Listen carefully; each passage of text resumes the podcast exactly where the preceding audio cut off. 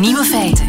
Dag en welkom bij de Nieuwe Feiten podcast van 15 september 2021. In het nieuws vandaag dat ziekten verspreiden fun voor de hele familie kan zijn. Althans, volgens een paar Nederlandse studenten. Rafael en Dennis die studeren wetenschappen in Leiden en op een saaie oktoberavond in 2019 wilden ze graag een wetenschappelijk verantwoord gezelschapsspel spelen. Maar dat bestond helemaal niet. Zo ontdekten ze snel. En dus ontwikkelden Rafael en Dennis hun eigen spel. Het is nog eens bijzonder actueel ook. Het heet Immuno Wars en de regels zijn simpel. Elke speler krijgt een paar kaarten met daarop verschillende ziekten en daarmee moet hij tegenstanders besmetten. Tegelijk zijn er ook kaarten die beschermingsmechanismen zijn, zoals vaccin of antibiotica. Allemaal heel strak, allemaal heel wetenschappelijk verantwoord. De laatste overlevende heeft gewonnen. Misschien iets voor Mark van Ranst versus Erika Vliegen. Wie weet. De andere nieuwe feiten vandaag.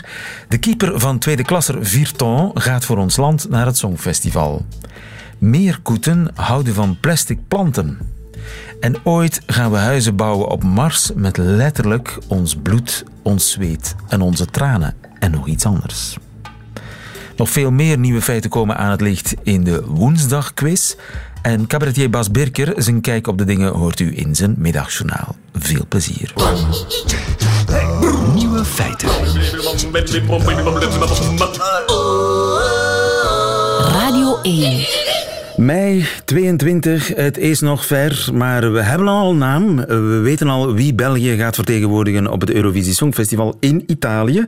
Want de RTBF die koos voor deze Jérémy Macchiese. jealous of the rain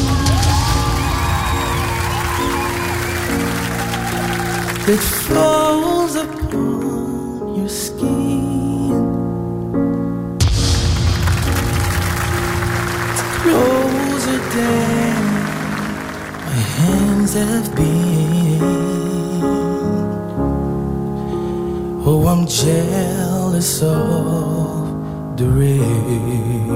Ja, hij kan zingen. Jérémy Macchiese in eh, The Voice Belgique. The Voice Belgique, ik vind het heel moeilijk. The Voice Belgique.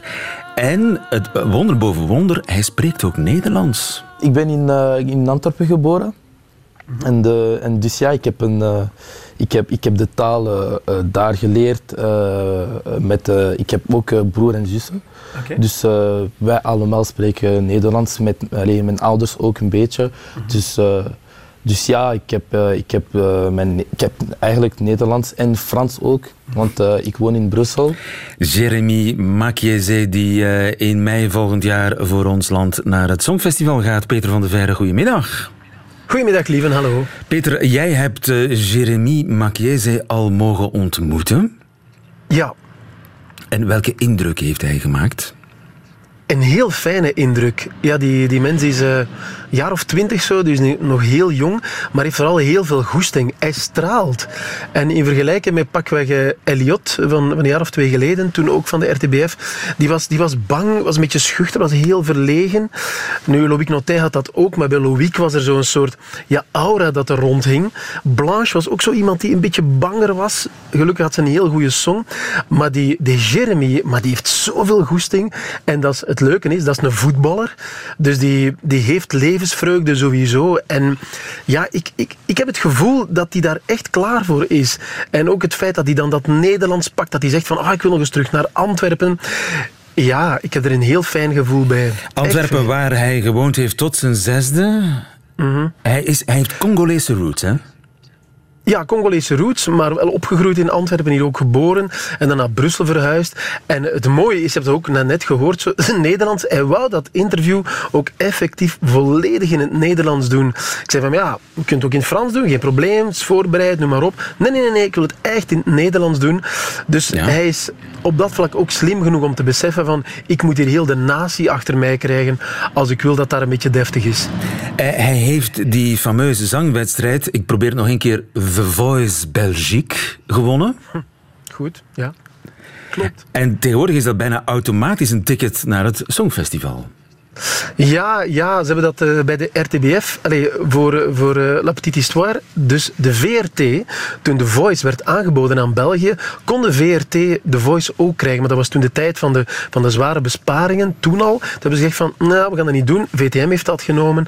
Maar de RTBF heeft daar meteen ja op gezegd. En dat is hun ja, kweekvijver geworden voor, voor finalisten voor het Eurovisie Songfestival. En dat pakt eigenlijk behoorlijk goed uit de laatste jaren. Je kan ze bijna betichten van een soort gemakzucht. Maar bon, je moet die wedstrijd ook organiseren en je moet daar een winnaar uit kiezen. Of iemand die net niet gewonnen heeft. En dat werkt wel. Klein detail ook. eh Jeremy had zich ook ingeschreven voor The Voice bij de collega's van VTM. Heeft daar nooit reactie op gekregen. Nooit reactie Dus- op gekregen. Hoe kan nooit, dat? nooit. Ja, dat snap ik ook niet. Dat moeten ze aan de VTM vragen, maar dat is bijna absurd, want die, die heeft echt een hele mooie, warme, Er moet een telefax over gemaakt worden. Er zijn al over Ja. minder dingen telefaxen gemaakt. Sorry. Oh shit, dat had ik niet mogen zeggen. Excuus, excuus. Live radio, het vloog eruit. Ik weet niet waar het vandaan kwam. Peter, eh, hij is een voetballer. Hij is keeper bij tweede klasser eh Virton. Ja, Dat is Ja. Een, ja, een wat onwaarschijnlijke combinatie, toch? Voetbal en Eurosong. Dat zijn andere, andere planeten meestal. Ik heb nog nooit een keeper geweten op het podium van het Eurovisie Songfestival. of het moet zijn dat die Russin in de tijd met een rokend huisje, dat daar een voetbalster tussen zat. Maar het is volgens mij een behoorlijke primeur. Maar het heeft zoveel mogelijkheden. Het verhaal is heel mooi. Ehm, hij, hij moet dus effectief ook twee uur en een half naar Virton rijden als hij daar in de goal wil gaan staan. Dus hij blijft daar ook gewoon slapen in de diepe Ardennen. Maar vooral ook naar merchandising zie ik al, ja, de Studio 100 in mij zegt van, we moeten daar keepershandschoenen maken, we moeten truitjes met nummer 1 erop, dat is sowieso al een ticket om helemaal hoog te eindigen. Maar het is inderdaad een heel bijzondere combinatie. En hij heeft gezegd dat hij het wil combineren. hij heeft een blijft voetballen, hij blijft keepen. Ja, hij blijft keepen, heeft hij gezegd. Ja, absoluut. Maar hij heeft er toch een tijdje over moeten nadenken of hij wel naar het Songfestival wil. Twee weken, want eh, dat was... eh allee, ik, ik, ja, ik heb, ik heb The Voice gewonnen en eh, dat, was, dat was nog nieuw voor mij. Dat was zo... En ehm, ja, dus ik, allee, dat was... Allee, alles was nieuw in mijn hoofd. En eh één keer, eh, ik, ik word gebeld en... eh, ja, Jeremy, je kan, je kan Euro- Eurovisie doen. Ja, dat was zo... Ja, ik, ik weet niet. Ik, ik- dat was zo te, te veel. En ik moest een beetje nadenken. En twee weken was genoeg.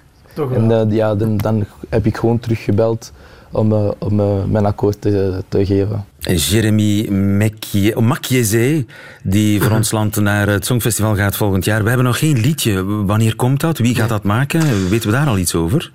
Ja, ik heb het hem gevraagd in het interview. Hij zei, eh, een beetje op de oppervlakte blijft hij daar. Zegt hem van, ja, mijn, mijn stem komt goed tot zijn recht in ballades, maar het mag ook iets op tempo zijn. Ze mogen mij van alles aanbieden. Ehm off the record zei hij van, ja, ik zou eigenlijk wel liever een, een ballade hebben, gewoon omdat dat beter bij hem past. Ehm, god, daar worden weer schrijvers opgezet waarschijnlijk. Het is ook zo dat er altijd wel nummers geschreven worden, ook vanuit Zweden, vanuit andere landen komen er wel nummers binnen.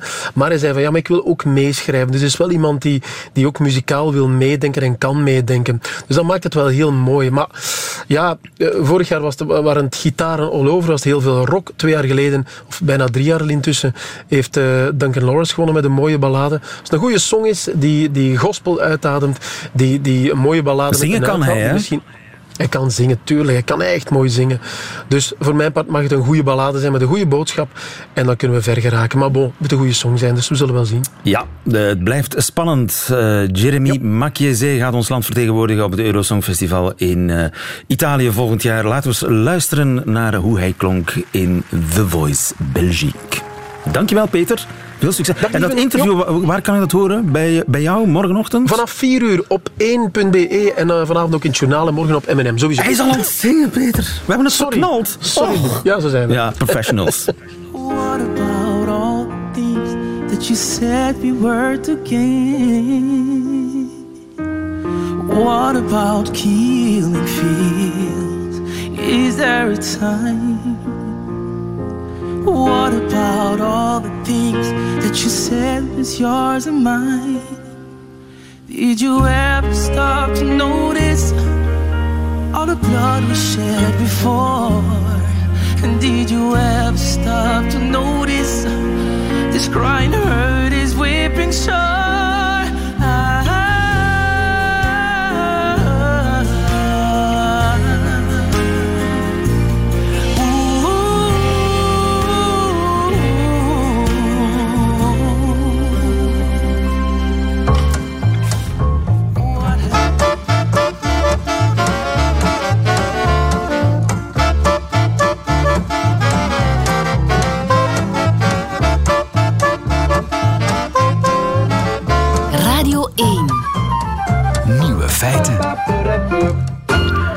Plastic? Wel, niet voor de meerkoet. Auke Florian Hiemstra, goedemiddag. Goedendag. Je bent bioloog van het Nederlands Instituut voor Natuurwetenschappen, zeg maar. Jullie heten Naturalis. En de vogel die eh, van plastic planten houdt, dat is de meerkoet. Ja, ja, je hoort hem al. Wat mooi zeg. Eh, De meerkoet, ik zeg daar gewoon een zwart eentje met een witte bek tegen. Mag dat? Ja, het is officieel geen eend, maar een ral. Maar inderdaad, een, een, een, een zwart beestje met een witte stip op zijn op zijn hoofd. En die is niet vies van plastic planten. Nou, überhaupt, ze gebruiken steeds meer plastic in hun nesten. En dat vind ik dus eh, heel interessant. Ik doe er onderzoek naar, ik promoveer daarop. Echter, tijdens dat onderzoek van plastic in de nesten kwam ik een heel, wel heel bijzondere categorie van plastic tegen, namelijk de plastic nepplant. En dat was nog nooit eerder gezien. En ziet die meerkoet het verschil tussen een plastic plant en een echte plant? Nou Denk ja, je? Voor, voor mij in het laboratorium was het verschil heel duidelijk. Want ik verzamel die nesten aan het eind van het broedseizoen. En normaal, ja, die nesten zijn al hartstikke verdord. En dan hebben ze ook nog een paar weken in de vriezer gelegen. Oftewel, het is allemaal een beetje geel-bruinig. Maar op een paar nesten, daar stak zoiets felgroens uit. Ik dacht, ja, dit, dit, dit is wel heel raar. En dat bleken dus die nepplanten te zijn. Maar voor de meerkoet is het nog maar de vraag of die dat door hebben gehad of niet. Helaas kan ik niet in het kopje van, van de meerkoet kijken. Ehm, maar ja, dat zijn natuurlijk eh, dingen die gemaakt zijn, expres gemaakt zijn om te lijken op het natuurlijke. Dus dat, ja, dat blijft nog een beetje de vraag. Maar waar vindt zo'n meerkoet plastic planten? Ja, dat vraag ik mij ook wel een beetje af. We doen elke week hier in Leiden ehm clean-ups. We gaan met groep kano's de gracht op om zelf ook plastic uit het water te halen. Wij vinden eigenlijk nooit plastic nepplanten. Dus hoe die meerkoet toch dan zoveel nepplanten kan verzamelen in zijn nesten... Dat vind ik ook wel fascinerend. Maar kennelijk ze zijn er. Eh, en ik vind het dan ook wel ja, ergens hilarisch, maar ook ergens heel tragisch dat zo'n meerkoet dan toch nog iets natuurlijks vindt in de stad. Dat naar zijn nest sleept en het dan toch weer plastic blijkt te zijn. Net als veel andere dingen die hij naar zijn nest sleept, zoals... Ja, nou, eh, ja, je vindt echt de gekste dingen hoor in meerkoetnesten. Je vindt eh, eh, ruitenwissers, zonnebrillen, cocaïne-envelopjes. maar ook gewoon heel veel Snickers, Mars, Twix, al die single-use plastics. Ja. ja, wat er drijft in de gracht... Culturele neerslag van het studentenleven, zeg maar. Ja, het is echt een, een reflectie van wat er gebeurt in de stad. Zie je terug in zo'n meerkoetnest. En dus ja, tegenwoordig ook plastic nepplanten. Ja, en daar is hij niet vies van, van al dat ruitenwissers. Is het niet een beetje groot een ruitenwisser voor een meerkoetennest? Ja, je kan het vergelijken met misschien een grote tak. ja. Ja, nee, ik, ik heb ze echt gevonden. Natuurlijk, het is voordelig voor zo'n eh, meerkoet, want ja, het, het is sterk natuurlijk, hè? Nou ja, de gemiddelde plant die vergaat na een tijdje in zo'n nest. Die valt een beetje uit elkaar. Zo'n plastic nepplant, eh, die niet. Het plastic eh, blijft honderden jaren bestaan. En dus inderdaad, plastic in je nest kan misschien ook als voordeel hebben dat het hele nest er flink sterker van wordt. Verder zou je nog kunnen zeggen, misschien maakt plastic een nest ook wel wat warmer. Of heb je minder last van parasieten in je nest als je veel plastic hebt. Maar dat is allemaal nog deel van mijn onderzoek. En de grote vraag van mijn onderzoek is: waarom doen ze dit? En kan het kwaad voor de jonkies? Ja, en, en, en daar heb ik nog geen antwoord op. Daar heb je nog geen antwoord op. Waarom doen ze dit? Misschien omdat het ja, stevig materiaal oplevert. Eh, maakt, maakt die meerkoet niet uit of het uit een fabriek komt of afval is, als het Ja. maar stevig is. Kan ik mij voorstellen. Theorieën te over, maar eh, er moet er nog iets getest worden en bewezen. En dat is natuurlijk de grote, eh, de grote vraag van mijn promotie. Ja, dus je gaat dat wel uitzoeken. Hoe ga je dat doen?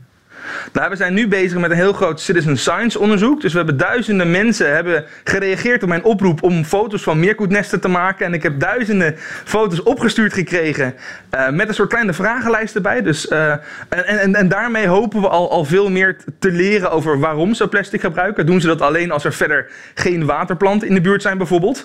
Dat het echt een soort backup is, dan maar plastic. Of gebruiken ze ook plastic als er wel genoeg vegetatie in de buurt is? En dan zou je dus inderdaad misschien... eh, misschien is het dan iets evolutionairs. Een evolutionair voordeel om toch iets met plastic te gaan doen. Oké. Maar dat weten we nog niet. Nee. En dat, eh, daarvoor ga je dus iedereen inzetten. Het is een soort burgerwetenschap. Ik weet niet of er veel meerkoeten in Vlaanderen en België zitten.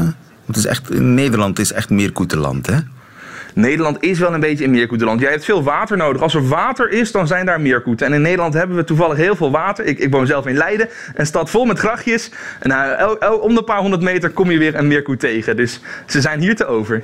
Dus als er mensen zijn die eh, meerkoetennesten vinden waar eh, plastic in zit, dan mogen ze er altijd een foto van nemen en naar ons doorsturen. Wij sturen alle foto's eh, naar Naturalis, naar jou door. Je wil ook weten of het kwaad kan voor de jonkies. Heb je Ja. enig idee of dat het geval is? Nou ja, zo'n nest moet je echt zien als een soort wieg. Een veilige plek voor de jonkies. Tenminste, zo is het bedoeld en zo was het altijd. Maar of, of een plastic nest nog steeds wel zo veilig is, dat is natuurlijk de grote vraag. En je kan je voorstellen als zo'n jonge meerkoet die met zijn met zijn grote meerkoetenpoten door zo'n nest loopt. Ja, als dat nest vol ligt met, met, met afval, met plastic, waar je ook in kan verstrikken bijvoorbeeld, dan kan het maar zo heel erg, eh, heel erg verkeerd aflopen. En er zijn er bijvoorbeeld studies gedaan met ooievaars, waar ook bleek dat de jonkies heel veel van het wat, wat de ouders aanbrachten als nestmateriaal, waarvan de jonkies dus dachten van, hé, hey, dit kunnen we ook eten. Ehm, Ja. dus, dus wat uiteindelijk ook in die jonkies terechtkomt, dat, dat is allemaal nog niet onderzocht, maar wel heel spannend. Ja, heel spannend. Auke Florian Hiemstra, hou ons op de hoogte. Dankjewel en nog een fijne dag. Hoi. Radio 1. Nieuwe feiten. Een huis bouwen op Mars, dat gaat letterlijk bloed, zweet en tranen kosten. En niet alleen bloed, zweet en tranen, ook pipi. Didier Snoek, goedemiddag. Een goedemiddag. Onderzoekers bij het Laboratorium voor Betononderzoek van de Universiteit van Gent. Tja, wetenschappers die moeten altijd verder denken. Als we ooit op Mars geraken en als we daar een huis willen bouwen, dan hebben we bouwmateriaal nodig en bakstenen de ruimte insturen. Dat is natuurlijk onbetaalbaar. Dus moeten we naar een manier zoeken om met materiaal van ter plaatse ja, stenen te bakken. En dat lijkt mij niet simpel. Nee, inderdaad, dat klopt. Dus eh, het is heel moeilijk om materialen mee te nemen naar de maan of naar Mars. Dus we moeten daar hun eigen materialen gaan gebruiken, dus de keien en de stoffen die we daar terugvinden. Maar we kunnen dat moeilijk gaan samenbinden. Maar nu eigenlijk met bloed en met eigenlijk urine, pipi zoals u net zei, kunnen we dat eigenlijk gaan samenbinden. Krijgen we materiaal dat ook voldoende sterk is en kunnen we zo constructies gaan bouwen op Mars of op de maan. En dus die lichaamsvochten, die zullen geleverd worden door de Marsreizigers zelf. Inderdaad, dus er kan eh, bijvoorbeeld steeds een beetje bloed afgenomen worden. Daar kan dan een bepaald proteïne uitgehaald worden om alles te gaan samen klonteren of, of stremmen. Eh, urine is natuurlijk ook wel eh, goed beschikbaar. Dan kan het water uitgefilterd worden. En dan met het water, die urine en dan met het bloed kunnen we dan die stenen gaan maken. Je kunt stenen vinden op Mars, alleen moet je ze aan elkaar met mortel kunnen hangen natuurlijk. Inderdaad, dus eh, er zijn daar heel veel voldoende stenen. Momenteel worden die ook onderzocht door die rovers die daar aan het rondrijden zijn. Eh, dus die stenen zijn beschikbaar. Er is ook heel veel stof beschikbaar. Dus we kunnen al iets gaan maken. Maar we moeten dat gaan samenbinden. Kunnen we gaan doen met cement. Maar dat vinden we natuurlijk niet op eh, maan of op Mars. Dus dat moeten we meenemen, wat dat niet mogelijk is. We kunnen dan bloed gaan gebruiken om alles te gaan samen plakken. Maar we kunnen ook bijvoorbeeld zwavel gaan gebruiken. Dat is ook beschikbaar op die planeten. En dan kunnen we eigenlijk ook alles gaan toeplakken en vastbinden. Ja, het is eigenlijk het cement die gemaakt wordt van menselijke vochten, van bloed, zweet, tranen en urine. Want daar zit eiwit in en dat kan als een soort eh, lijm eh, dienen. Hoe sterk is dat? Eh, momenteel eigenlijk van niet zo sterk tot relatief sterk. Dus eigenlijk een zwak beton zoals we hier hebben op aarde kan er wel mee gemaakt worden. Nu, het is wel tof om te hebben, aangezien dat de zwaartekracht iets minder is op die planeten, hebben we ook iets minder sterkte nodig. Maar we moeten natuurlijk ook eh, voldoende sterk gaan om meteorietinslagen en dergelijke meer te compenseren. Dus het materiaal op zich is wel sterk genoeg. Eh, het enigste nadeel dat ik momenteel nog zie, is dat er toch nog water gebruikt moet worden. En denk dat de astronauten dat liever zullen opdrinken dan in hun materialen te steken. Maar het materiaal kan zeker gebruikt worden om dan een andere technologie te gaan gebruiken om die constructies dan te gaan maken. Maar het is vergelijkbaar met beton. Je zegt zwakke beton. Ik wist niet eens dat dat bestond, is- zwakke beton. Ja, natuurlijk, als u daar een beetje te veel water in gaat uh, doen in wat beton hier op aarde, dan gaat dat een mooi soepje geven, maar gaat dat natuurlijk niet zo sterk zijn. Want hoe meer water dat u toevoegt, hoe meer holtes dat er dan ook gecreëerd gaat worden, omdat niet al het water gebruikt zal worden. En dan gaat u, gaat u eigenlijk een zwak beton gaan maken. En eigenlijk om een heel sterk beton te gaan maken, moet u daar heel weinig water in gaan voegen, maar natuurlijk wordt het dan niet meer verwerkbaar en hebben we dan andere stoffen nodig om dat te kunnen gaan compenseren. Dus het materiaal dat hier gemaakt wordt met het bloed, met het ureum, dus uit het urine, heeft eigenlijk een sterkte die vergelijkbaar is met een huistuin- en keukenbeton die je wel kan maken in de ideale omstandigheden. Is het de eerste keer dat bloed zal gebruikt worden bij het maken van cement en van beton? Van bouwmaterialen niet eigenlijk. Uh, in China is dat al vaak gebruikt geweest. Bijvoorbeeld in de grote muur daar uh, hebben ze al bloed teruggevonden. Ook nog andere stoffen die ons lichaam uitscheidt, hebben ze daar ook teruggevonden. Nu, dat bloed wordt eigenlijk gebruikt om het iets vloeibaarder te maken. Dus wij, wij gebruiken ook tegenwoordig plastificeerders, noemen we dat, of superplastificeerders. Die gaan eigenlijk het water wat gaan compenseren, maken het eigenlijk minder viskeus. Het wil meer gaan vloeien. Dus vandaar zit dat erin. En blijkbaar gaf dat bouwmateriaal dan ook bijvoorbeeld in de winter betere eigenschappen. Dus vandaar werd bloed ook wel gebruikt. Natuurlijk niet grote hoeveelheden, maar uh, toch zat het erin. Dus het zit al in de Chinese muur? Ja, daar vinden we wat bloed terug. En uh, de Romeinen hadden het ook al, geloof ik. De Romeinen hebben dat ook Dus uh, zij gebruikten daar ook uh, bloed in hun uh, structuren. niet overal natuurlijk, maar zij hebben dat ook gebruikt, aangezien dat het ook iets betere eigenschappen had dan het andere beton. En zo konden ze dat eigenlijk proefondervindelijk ondervinden. Maar dat was dierenbloed, neem ik aan dan? Ja, natuurlijk. dus ossen, varkensbloed werd er voornamelijk gebruikt. Ah ja, ossenbloed natuurlijk. Van, dat, dat, de, de, er is ook een kleur dat nog altijd zo genoemd wordt, hè? Ja, inderdaad dat komt daar vandaan. Dus het gebruik van ossenbloed in, uh, ja, in de bouw, ook voor verf, neem ik aan, is, uh, dat is zo oud als de straat. Ja, inderdaad, zo kan je het wel stellen. En nu kunnen we dat eigenlijk kijken en gebruiken in de toekomst. Ja, astronauten op Mars die hun eigen bloed afstaan, daar zit natuurlijk een limiet aan. Hè. Je kunt niet uh, onbeperkte hoeveelheden bloed. Een mens kan maar een beperkte hoeveelheid afstaan, toch? Inderdaad, en als we daar dan die proteïne moeten uitgaan, is de hoeveelheid ook relatief laag. Dus vandaar dat ik eigenlijk dit uh, materiaal zie als een soort van redmiddel. Als er ergens iets snel moet hard worden of uh, gerepareerd moet worden, kan dat materiaal gebruikt worden, bijvoorbeeld op andere uh, methoden om een structuur te gaan bouwen op Mars of op de maan. En kunnen we die kennis dan ook inzetten hier op aarde om, ik zeg maar, wat steviger materiaal te maken? Wel, eigenlijk wat we nu naartoe aan het gaan zijn, is om het cement zo laag mogelijk te gaan houden, om alle materialen duurzaam te gaan maken, of duurzamer. En dan kan dit wel uh, helpen. Natuurlijk, het werd vroeger al gebruikt. Uh, we hebben nog altijd cement nodig, omdat het nog steeds relatief goedkoop is en nog steeds heel sterk kan worden.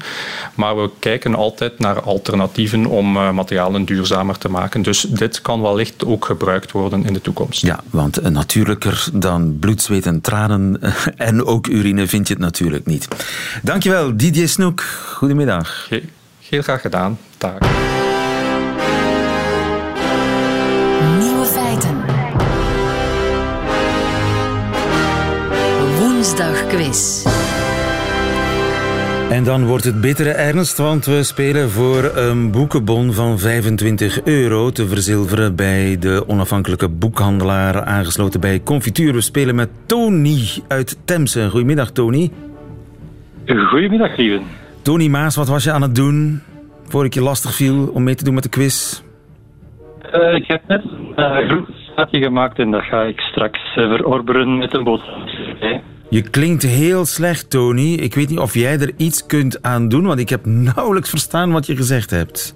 Oh. Temse, dat ligt toch in uh, de bewoonde wereld, hè, dacht ik.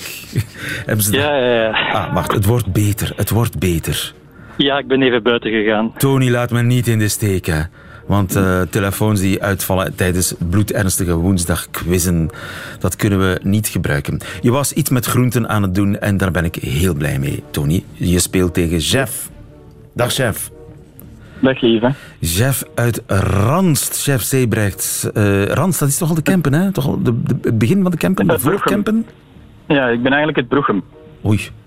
Dat, dat is, Ja, dat is, dat is belangrijk. dat is heel, heel, heel, heel belangrijk.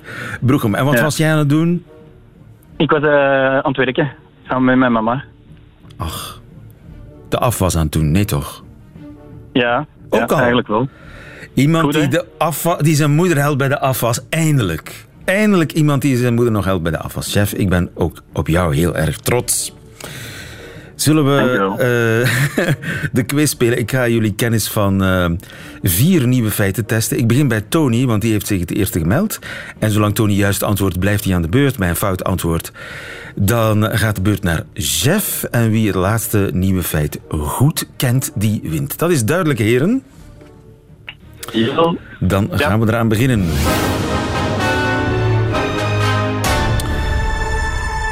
Nieuw feit. Welke turnenoefening is het best voor je hersenen volgens een Britse wetenschapper? Is dat A. Pompen, B. Sit-ups, C. Squats? Tony, ik denk pompen. je denkt pompen. Fout. Helaas. Jeff, wat denk jij? Ik ga voor squats. Je gaat voor squats. Dat is helemaal goed. En heb je daar een reden voor? Eh, je- omdat dat de enige is dat je recht blijft staan. Alleen dat je, je hoofd recht is, ik weet niet. Ja, daar, daar, zit, iets. daar zit wat in, hè? Gilles, goedemiddag trouwens. Goedemiddag. Jury van deze quiz en ook samensteller. Eh, Het ik- zijn squats die best, die best zijn voor uw hersenen. ja, maar het zou te maken hebben met de afwisseling van op en neer te gaan. Dus sporten is sowieso goed voor je bloeddoorstroom, ook naar je hersenen. En wanneer eh, je neer gaat zitten, dan gaat je mee met de zwaartekracht. Hè, dus geen betere bloeddoorstroom naar je hersenen. Wanneer je rechtop staat en vecht tegen de zwaartekracht, dan wordt, er, eh, wordt die bloeddoorstroming beter. En dat telkens afwisselen zou volgens die wetenschapper dus heel goed zijn voor je hersenen. Oké, dus het heeft toch met de zwaartekracht te maken. Dus hij had het eh, ergens goed geraden, vind ik. We blijven bij, eh, Chef. bij Jeff, hè, voor vraag 2. Een Zweeds koppel wilde hun kind een wel heel bijzondere naam geven, maar hun voorstel werd door de bevoegde instanties afgewezen. Welke naam mag niet in Zweden? A. Vladimir Poetin. B. Chewbacca. C. Pipi Langkous. Longstrumpf is dat in het Zweeds, geloof ik. Maar wat A, B of C, wat denk je, Jeff? Eh, pff, ik gok Chewbacca. Fout. Tony, moet jij gokken of weet jij het? Ik moet ook gokken. eh, dan zeg ik maar Pipi Langkous. Fout. Vladimir Poetin. Ja, Vladimir Poetin. En waarschijnlijk zal het niet mogen, omdat in Zweden je kind mocht je niet een achternaam als voornaam geven. En Vladimir Poetin, dat zou dus de voornaam zijn. Dus er zou nog een... De beide voornamen, zoals Ja. Peter Jan. Peter Jan, Vladimir Poetin, hetzelfde. Ik heb trouwens nog een bonusvraag voor u, lieve. Voor mij? Ja, wie keurt de namen goed in Zweden? Welke instantie is Een of dat? andere myndigheten? Nee? Wat? Geen idee. Het is de Belastingsdienst. De Belastingdienst. Ja. Waarom? Geen idee. Nee, gewoon omdat het Zweden is. Eh, dus blijven we bij Jeff, hè, want die heeft het laatste goede antwoord gegeven, Inderdaad. volgens mij. Eh, vraag 3, Jeff. Bruce is een Nieuw-Zeelandse papegaai die om een bijzondere heldendaad wereldberoemd is geworden. Bruce. Wat is een heldendaad? A. Hij heeft een heel nummer van Eminem meegerapt. B. Hij heeft voor zichzelf een bekprothese gemaakt. C. Hij gebruikt medicinale planten om zieke soortgenoten mee te helpen. Jeff, wat denk je? Ik zeg B.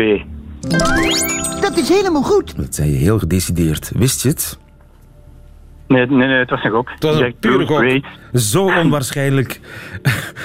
Maar toch? Nee, het klopt, omdat chef, eh, nee, chef, Bruce, de papegaai, heeft eh, het bovenste van zijn bek als jonge vogel kwijt, eh, kwijtgeraakt. En ze, dat is heel erg voor een papegaai, want die gebruiken hun bek om parasieten en zo uit hun veren te verwijderen. Dus Bruce heeft geleerd om een steentje te nemen van exact de juiste grootte, dat te klemmen tussen zijn tong en onderbek, om zo dan alle parasieten van zijn veren te kunnen verwijderen.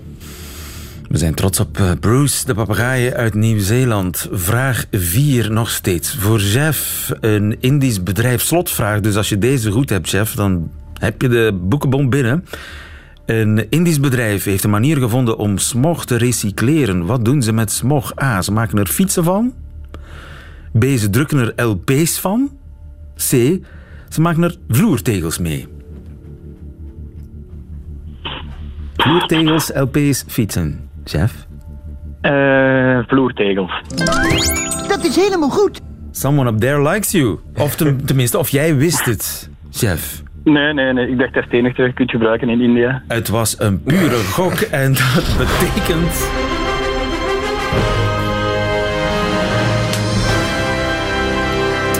Helaas, Tony Maas. Geen boekenbon Ja, voor jou, helaas. maar heel goed gespeeld. Waarvoor dank, chef. Gefeliciteerd met je eh, boekenbon ter waarde van 25 euro. Weet je al eh, welk boek je gaat kopen, chef? Nee, dat weet ik nog niet. Oei, misschien... Suggesties? Ja, ik weet niet, ik zou het aan je mama vragen. Dat ga ik doen. Ik Ja, want jullie moeten nog, die, die, die hele afwas eh, moet nog afgemaakt worden. Dus Ja, snel... maar ik mocht bellen nu, dus die, die heeft dat alleen al gedaan. Ah, die... Och, kijk, dat is een goede reden om mee te doen aan de quiz. Die afwas Voilà. eh, is intussen gemaakt. Chef Sebrecht, gefeliciteerd. En ik wens je heel veel eh, ja, geluk bij het kiezen van eh, de juiste titel. Het juiste boek dat je wil kopen. Oeh, daar is mama. Ze komt, ze, ze komt, ze komt klagen. Veel leesplezier, Chef Sebrecht. En nogmaals gefeliciteerd met je overwinning in de woensdagquiz. Ja, vloertegels ze ervan in eh, India. Ik heb helemaal ver- vergeten te vragen aan Gilles hoe dat zat in India met die vloertegels. Ja, het bedrijf dat dat doet is eigenlijk eh, van een Indische uitvinder. Iemand die heel veel luchtproblemen had door al die luchtvervuiling en smog. En dus heeft hij een manier ontwikkeld om de koolstof uit de lucht te halen en dat samen te pressen tot... Persen, Gilles, persen. Persen, sorry. Ik- ja, ik heb een huis gekocht, ik moet gaan verbouwen en ik zie nu al wel een bouwvakkerstaal. Maar dus samen te persen tot tegels. Vloertegels eh, uit koolstof, koolstof uit smog. En daarmee is alles helder en duidelijk. Dankjewel Gilles ook voor deze woensdagquiz. Waarmee u alle nieuwe feiten gehad heeft van deze 15e september. Behalve die natuurlijk in het leven van Bas Birker. Nieuwe feiten. Middagjournaal. Liefste landgenoten. Vliegschaamte. 2020 was een rotjaar, maar we gingen zeker één positief ding overhouden. We zouden niet meer het vliegtuig pakken voor een stuk dat een wielertoerist op een zondag kan fietsen. Ik weet niet wat het Franse woord voor vliegschaamte is, maar wel dat niemand het herkent. Voor de voetbalontkenners onder u, Club Brugge voetbalt vanavond tegen de sterren van Paris Saint-Germain. Of Messi Co, zoals die club tegenwoordig heet. Gisteren maakte God en zijn hulpjes de barretocht van 300 kilometer van Parijs naar Brugge met een privéjet. Technisch gezien zijn ze eerst met de bus naar het vliegveld gebracht om daar in te schepen, op te stijgen en te landen voor het Fast and Seatbelt lampje uitging. Aan de luchthaven van Oostende werden ze opgepikt door een eigen spelersbus en naar Oostkamp gebracht. Laat dat even bezinken, vrienden. Er is een buschauffeur met een lege bus van Parijs naar Oostende gereden om een paar shotters op te pikken die al met al net zo lang onderweg zijn geweest als hij. De enige die nog slechter kan plannen, werkt bij de lijn en deelt de bussen voor het bijzonder onderwijs in. En toch heb ik me daar lang niet zo over opgewonden als over de aandacht die die reis blijkbaar verdiende. Ruime aandacht in de journaals, verslaggevers ter plaatse en interviews met hotelgasten die moesten wachten buiten de parking omdat God uit de bus getild moest worden. Getild ja, want God heeft een handzaam formaat. Messi zou natuurlijk kunnen stappen, maar als hij struikelt over het trapje, wie is er dan aansprakelijk? Bussen zijn de Achilleshiel van het voetbal. Dan pak je beter het vliegtuig. Rock bottom was gisteren vreemd genoeg weggelegd voor het laatste nieuws. Wij coveren PSG's Matchday Minus One met deskundig commentaar van onze Club Brugge-watcher Niels Poissonnier, zo las ik tijdens de lunch. Ik zette me klaar voor leuke weetjes, pittige analyses en interessante voorbeschouwingen. Ik kreeg de grootste belediging voor de journalistiek sinds het mediakanaal van Schild en Vrienden. Een bloemlezing. 11 uur 48. Over 20 minuten landt Messi op Belgische bodem. 11 uur 56. Het vliegtuig hangt al boven België en passeert nu Doornik. 12 uur 13. Daar is hem. Het blauwe vliegtuig van PSG is veilig geland in Oostende. 12 uur 28. Bus rijdt weg. Buiten het zicht van alle pers hebben de spelers het vliegtuig ingeruild voor de spelersbus. Die zet nu koers naar het Van der Valk Hotel in Oostkamp. Een rit van 23 minuten. Weet u nog? Vliegschaamte? Ik zou aan 2021 een ander begrip willen overhouden. Verslagschaamte.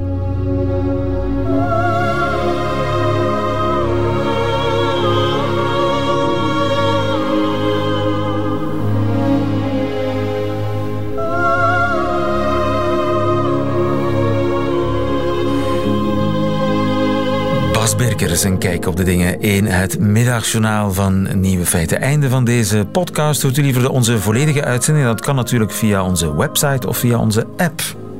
Daar vindt u overigens nog veel meer fijne podcasts van Radio 1. Tot een volgende keer.